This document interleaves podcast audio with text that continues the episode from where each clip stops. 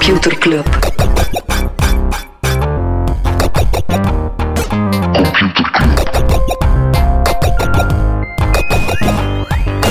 Computer Club. Hey Smolly, Hey Freddy. welkom, welkom terug. Welkom, welkom bij Computer Club, een wekelijkse podcast over technologie. Iedere aflevering presenteren Frederik en ik een interessant artikel en een feitje. Ja, en voordat we erin duiken, gaan we even eh, wat, eh, wat pluggen, wat reclame maken. We hebben het al gehad over Dries de Poorter, Belgische digitale kunstenaar, allebei een grote fan van Dries. Wel, die komt als eh, aperitiefje voor Mutation Festival van de vrienden van Nerdlab. Komt hij als een soort aperitief-event langs en dan eh, heeft iedereen de kans om eens een eh, pint te pakken en wat te kletsen met Dries de Poorter. En waar en wanneer is dat? En zo heet het event ook trouwens. Pre-mutation event, pinten pakken en kletsen met Dries de Poort. Dus dat is op zich wel een goede titel. Eh, het gaat door op vrijdag 19 oktober.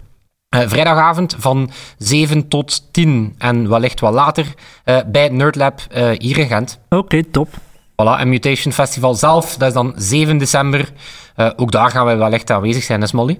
Ik eh, veronderstel van wel, ja, als het over technologie gaat en het is in Gent. Ja, dan, eh, ja, dan, eh, dan kunnen wij niet anders dan daarbij zijn, hè? Yes. Zeg, je hebt iets gelezen deze week, vertelde je mij daarnet al. Ja, ik heb een ongelooflijk zot opiniestuk gelezen van een super interessante dude op VRT Nieuws. Rick Torfs? Nee, nee, zo'n een, een iets jongere versie van Rick Torfs. Frederik de Bossere? Ja, ja, dat is die gast. Ja, echt, echt knaps, hè? Ja, toch een beetje de Torfs van eh, de millennials. Oké. Ja, wel. Ik had een, ehm, ik had een stuk geschreven naar aanleiding van... eh, het stond eigenlijk al een tijdje op mijn radar. Eh, dat was eigenlijk naar aanleiding van het zoveelste datalek bij Facebook. dat ik het eigenlijk heel graag eens wil hebben over Web 3.0. Eh, dus eigenlijk een beetje vooruitkijken van, oké, wat na Facebook? Eh, wat, wat, wat zou eigenlijk het nieuwe sociale netwerk kunnen gaan zijn? En dan wil ik het eens hebben over onder andere Solid en die andere, ja, die andere interessante nieuwe aanpakken.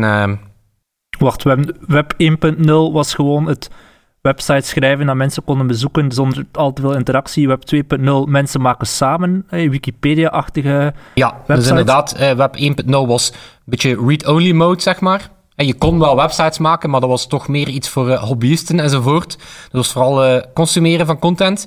En dan Web 2.0, inderdaad, Wikipedia, YouTube, alle, alle interactieve websites, zeg maar, die het ja, heel makkelijk maakten voor mensen om eh, dingen online te gaan zetten, was dan ook en masse gaan doen zijn. Dus op zich was dat heel, ja, heel erg binnen de spirit van het internet, waarbij dat internet van en voor iedereen was. Nu, een beetje een ja, hinderlijk neveneffect daarvan is dat enorm veel van die data die gecreëerd werd in Web 2.0, dat die zich eh, concentreerde bij een handvol spelers. En dat zijn dan de bekende partijen, de Google en de Facebooks van de wereld. Eh, ja, die begonnen eigenlijk heel wat van die data te centraliseren.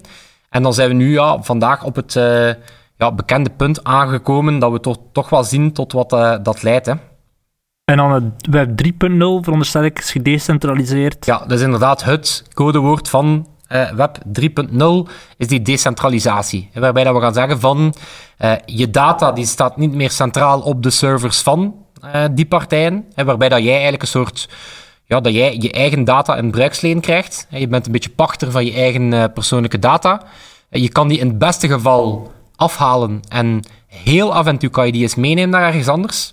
Ook al schermen meer en meer van die diensten zoals Facebook dat ook af. Dan kan je die data niet in een andere dienst gaan gebruiken. Dan zegt decentralisatie nee, die data staat bij jou en jij geeft die dan eigenlijk aan, aan die diensten. Zij mogen dan eigenlijk een stukje hun app of hun platform bovenop jouw data gaan bouwen. En dat is een volledig, ja, volledig, nieuw, volledig nieuw model. Vorig jaar of twee jaar geleden had je Mastodon, zo'n Twitter-alternatief. Is dat dan Web 3.0?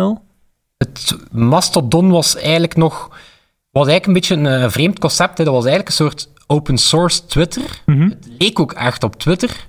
En dat kon je dan eigenlijk zelf gaan draaien. Het zit een beetje in die spirit, maar ik zou niet zeggen dat dat nu het, het ding gaat zijn. Ik had dus in het stuk van VRT had ik gewoon eens een aantal coole concepten eh, die, die er eigenlijk mee aan de slag gaan eh, toegelicht. Eh, de eerste is Manyverse. Dat is eigenlijk meer een, een heel exotisch idee. Ik denk niet dat het in de praktijk zal lukken. Wat is Manyverse? Het is eigenlijk een, ze noemen het een sociaal netwerk off the grid. Wat betekent dat je volledige sociale netwerk, dus je volledige profiel, je berichten, alles wat je doet, staat eigenlijk enkel op jouw telefoon. En het moment dat je een update doet, dan stuur je die update rechtstreeks naar al jouw contacten.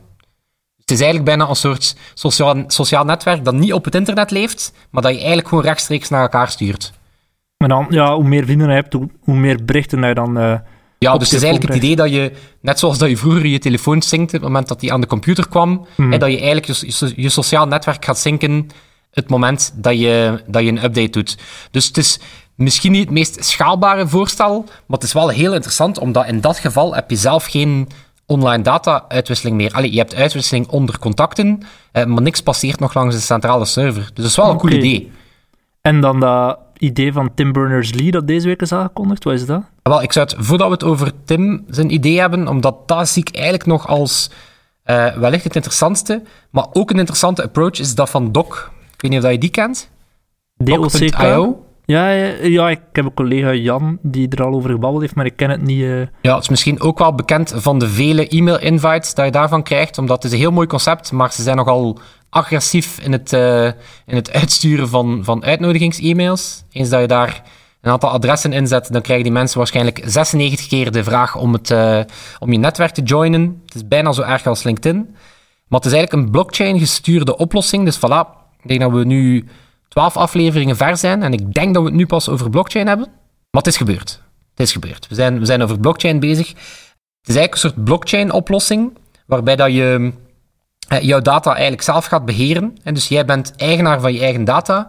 En bovenop, die, bovenop dat protocol, bovenop die doc, kunnen diensten dan eigenlijk uh, jobsites, sociale netwerken, chat-apps gaan bouwen. Maar zij krijgen eigenlijk toelating om jouw data te gebruiken is eigenlijk de andere, in de andere richting. Mhm. Dus, dus op zich is daar, als je daar nu op komt, uh, al dan niet op uitnodiging van mezelf, ja, ga je merken dat er eigenlijk nog niks te doen is. Het is daar eigenlijk vrij leeg.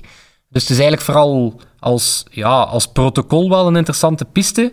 Uh, maar dus, dus heel, dat is heel zuiver die, die visie van het feit dat jij eigenlijk beheerder bent van jouw data en jij geeft toestemming om die aan een dienst te geven, uh, versus andersom. Het is niet en heb je al een eigen cryptomunt ook? Het, is, het zit er ook wel een beetje in, hè, omdat dat dan een beetje eigen aan, aan, aan een blockchain is. Ja, er moet een incentive zijn om uh, die blockchain te onderhouden, hè, want het is wellicht het is decentraal, dus uh, we zijn er met z'n allen uh, voor verantwoordelijk. Maar je hebt natuurlijk partijen nodig die er ja, de effort in steken om die blockchain online te houden en om die partijen te belonen. Hè, dan heb je tokens nodig, dan heb je munten nodig. dus ook zij zijn wel, ik denk, wel bezig met het, het plannen van een, een coin. Dat is niet het belangrijkste. Het is vooral het idee uh, dat er eigenlijk diensten bovenop uh, die, centrale, uh, die decentrale data gaan bouwen. Dus benieuwd hoe dat loopt.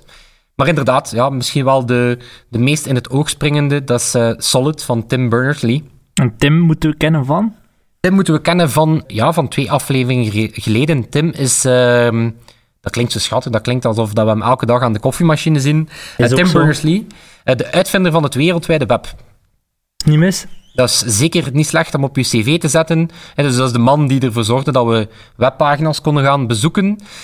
En wat heeft hij eigenlijk gezien? Uh, die heeft eigenlijk gezien hoe zijn uitvinding uh, net tot die monopolies geleid heeft. Uh, hij had een beetje, ja, vond het een beetje jammer. Hij had een protocol gemaakt om teksten, afbeeldingen enzovoort online uit, uit te wisselen, om websites uit te wisselen. Maar wat was hij vergeten, of wat is er eigenlijk nooit in een protocol gegoten, uh, online identiteit. Het uitwisselen van persoonlijke data. Mhm. Er zijn protocollen voor hoe dat je een foto online zet en downloadt, hoe dat je video structureert. Dus eigenlijk al die dingen zitten vast in, uh, in standaarden en die worden dan door browsers correct weergegeven. Maar eigenlijk bestaat er geen standaard voor digitale identiteit. Dus in dat kielzog zijn dan ja, partijen zoals Google en Facebook uh, gekomen en hebben zij eigenlijk ja, een dienst gemaakt die moest gemaakt worden. Het idee dat je zo één account hebt waarmee dat je inlogt op tal van diensten of tal van websites, ja, dat was een beetje een lacune. Die moest gevuld worden. Maar helaas is die nu opgevuld door commerciële bedrijven. Ja, en dat is gewoon geen gezonde dynamiek. Dus Tim gaat het fixen. Tim gaat het internet fixen. Je gaat dan een soort It's Me eh, maken, of, of hoe, moet ik dat zien? Het idee van Solid, die trouwens... Uh, Mm, dat was een project van MIT. Daar zit ook een Belg op in het team, Ruben Verborg van uh, UGent. Zit daar ook in het team. Uh, en dat is nu eigenlijk afgestudeerd aan MIT. Het is te zeggen, er is een bedrijf voor opgericht. Dus het zou wel eens kunnen dat we Solid uh, meer en meer gaan tegenkomen. En wat is het idee van Solid? Het idee is dat je je data ga je opslaan in wat zij een datapot noemen. Noem het een, eh, een USB-stick, als je wil, een virtuele USB-stick. Maar al je data op, je, je profiel, je surfgedrag, je e-commerce voorkeuren, alles wat je maar kan verzinnen, staat gestructureerd in die datapot. En op het moment dat je een dienst gaat gebruiken, ja, dan link je die met je datapot. En die datapot, die beheer je ofwel zelf, je houdt die zelf bij, of je plaatst die bij een dienstverlener naar keuze. dus net zoals dat je vroeger een hosting zocht voor je website, gaan we nu eigenlijk onze datapots ergens online zetten. Maar heel belangrijk, we blijven daar zelf eigenaar van.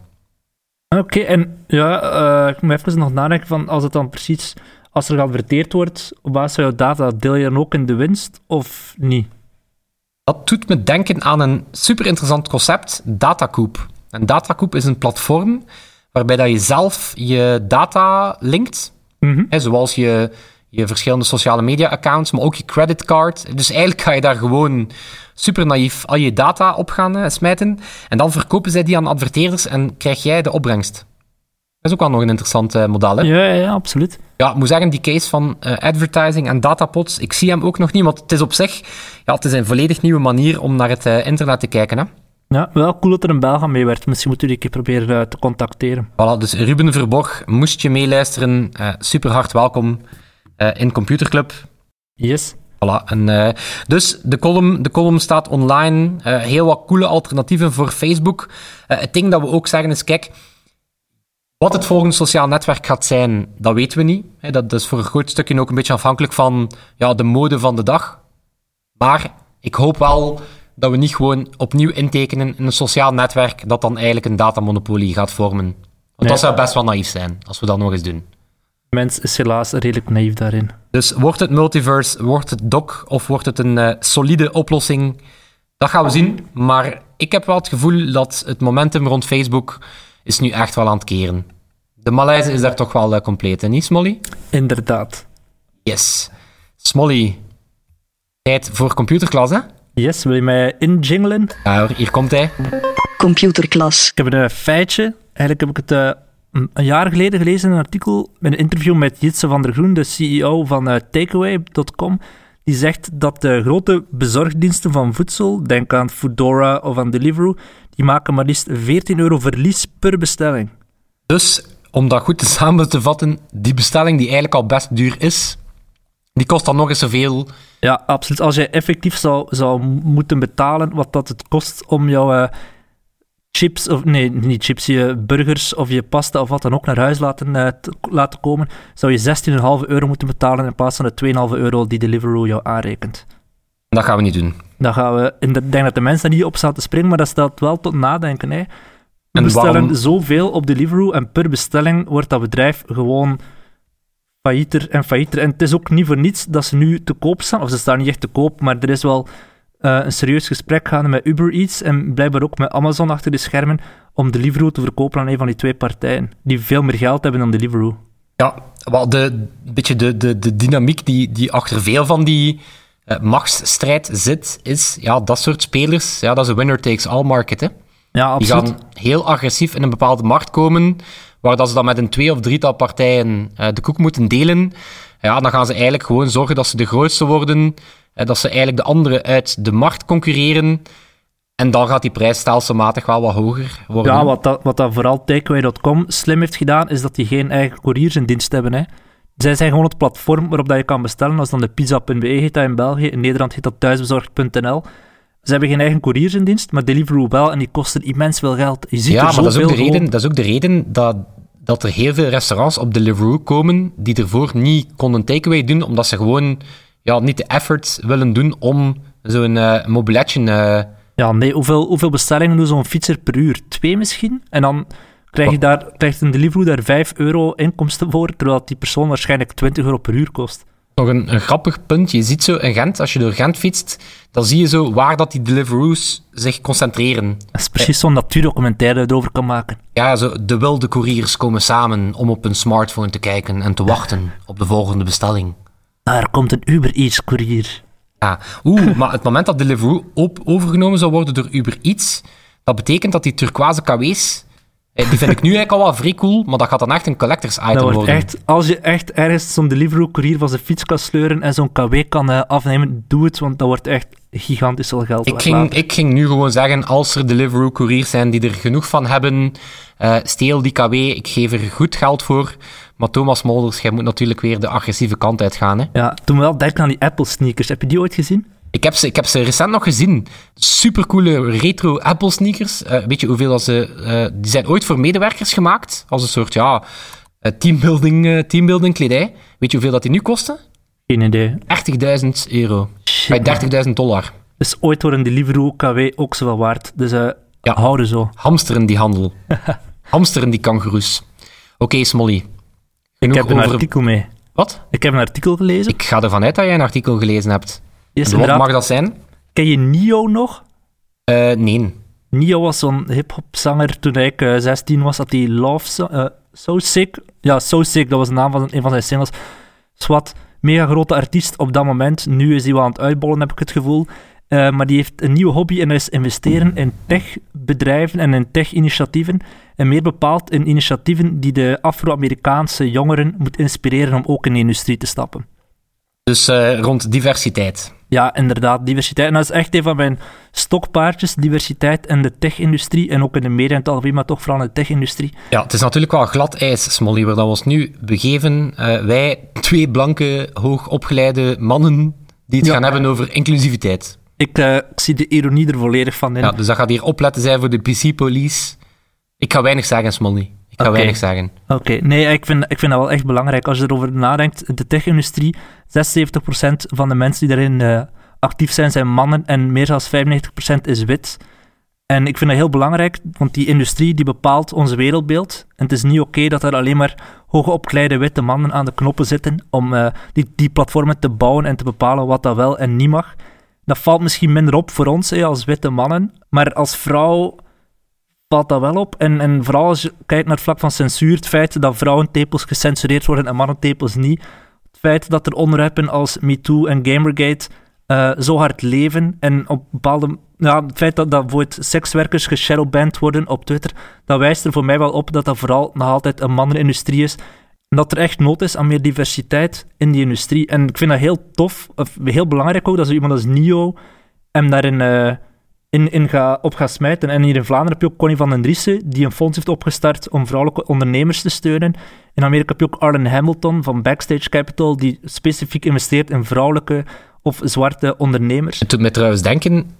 Ja, het klopt trouwens dat heel veel van de ja, grote start-ups en, en, en grote ideeën die dan uit Silicon Valley komen, ja, dat dat vooral Silicon Valley first, first problems zijn. Hè? Mhm, ja, Eh, absoluut. Bijvoorbeeld Uber, dat begint als een eh, limousine-service.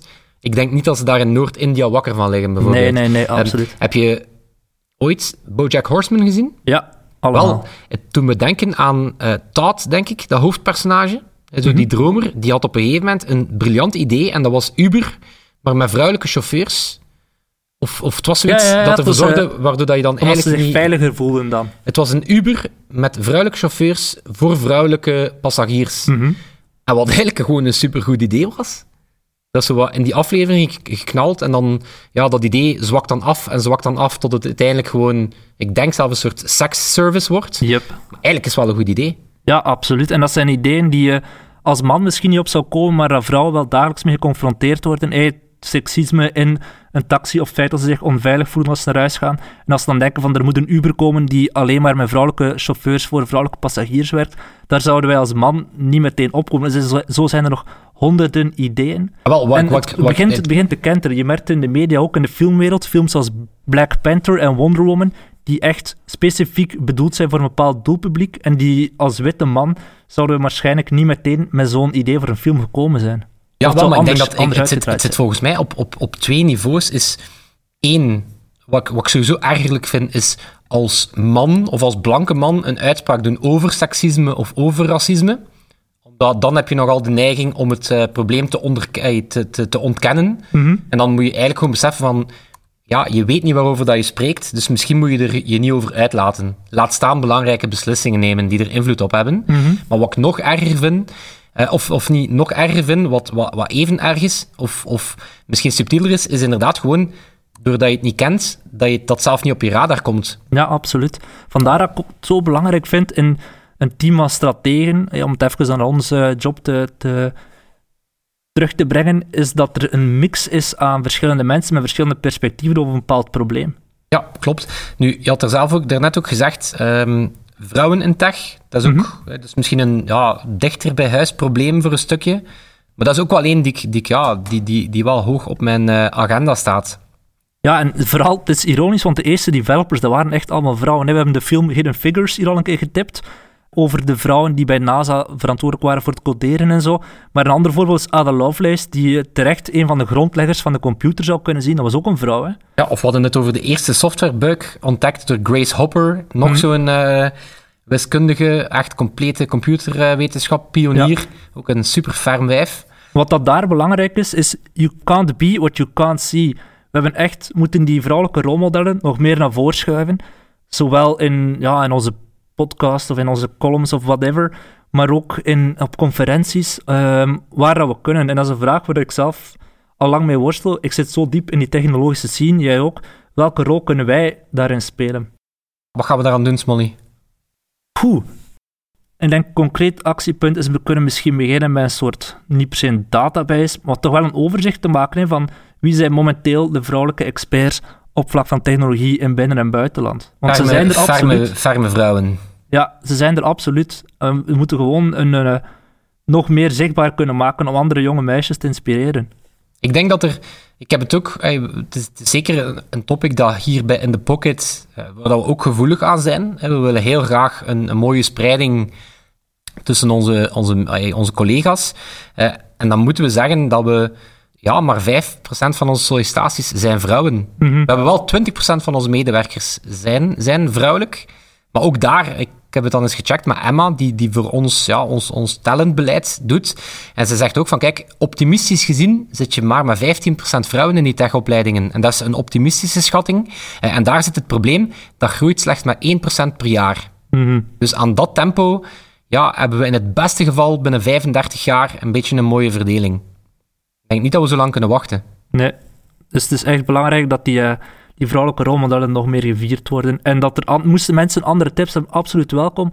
Stuur ze ons via mail, Twitter, Slack. Kies maar hoe dat ons best wilt bereiken. Om te kijken hoe kunnen wij, welke rol kunnen wij opnemen om dat, uh, die, die scheve situatie recht te trekken. Want het is heel belangrijk. Het doet me trouwens denken met dat je over uh, Nio sprak. Een mhm. rapper, zo blijkt. Ik ken hem zelf niet. Uh, maar over Nio-rappers en rolmodellen gesproken. Um, Blijkbaar is Apple bezig aan een uh, nieuwe streamingdienst. Een, mm -hmm. om series uh, ook een, ja, een beetje een Netflix-competitor te maken. En ze waren bezig aan een reeks over Dr. Dre. die natuurlijk na de overname van Beats mee in het, op het Apple-schip zit.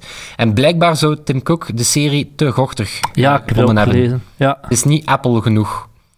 Dus ja, dan denk ik dat Tim Cook wel eens beseft dat die man wel degelijk een rolmodel is uh, ja, dat de wereld gewoon niet altijd zo proper is. Dus, Inderdaad. Ja. Oké, maar dan denk ik dat we hier een... Uh, Concreet actiepuntje al hebben, een eerste, maar andere input altijd welkom. Ja, dus ik stel voor dat we onze Facebookgroep opgaan en uh, daar gewoon eens luisteren. wat, zijn die, wat zijn die sterke vrouwen? zodat we die ja, ook op conferenties en in podcasts en in columns des te meer een stem kunnen geven. Perfect, dat is een mooi punt. Oké, maar dan denk ik dat we het hierbij kunnen laten, Smolly. Yes. Dan moeten we nog... Sebastiaan bedanken. Merci, Sebastiaan.